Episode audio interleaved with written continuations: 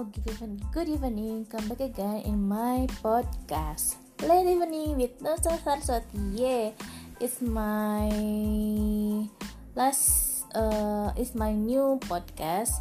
It tells about uh, what can we look through our through the obstacles of our life. Yeah, we can see our life. Maybe it can be good or not. It can be good or sucks.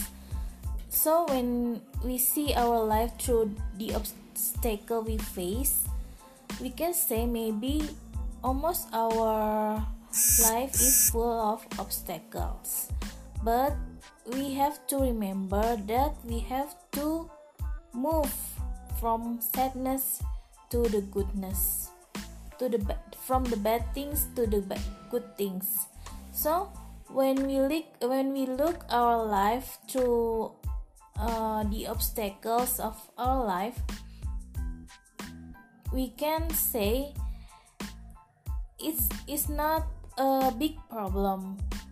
Maybe it seems a big problem to us but uh, time by time it will reducing itself the problem it will reducing itself. So uh, when you see yourself full of sorrow and maybe neglected or abused you can say maybe somebody in this world can meet this problem too and suffering and feel the same way with me so you can share your feeling with them.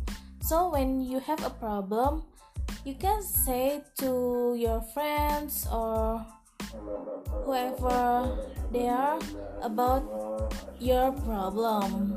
Uh, so you we can share your feelings uh, to your friend.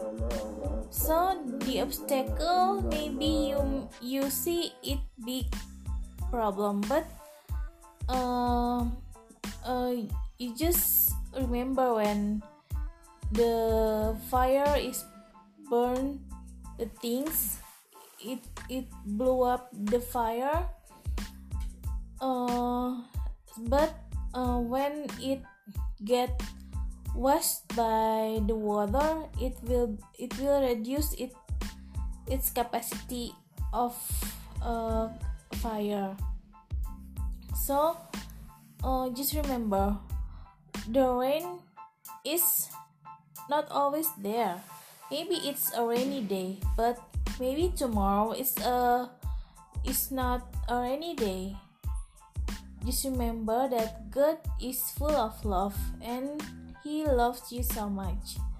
And you have to fulfill your life with goodness and forgiveness. Forgive people who hurt you and uh, forgive yourself to let yourself full of sorrow or sadness.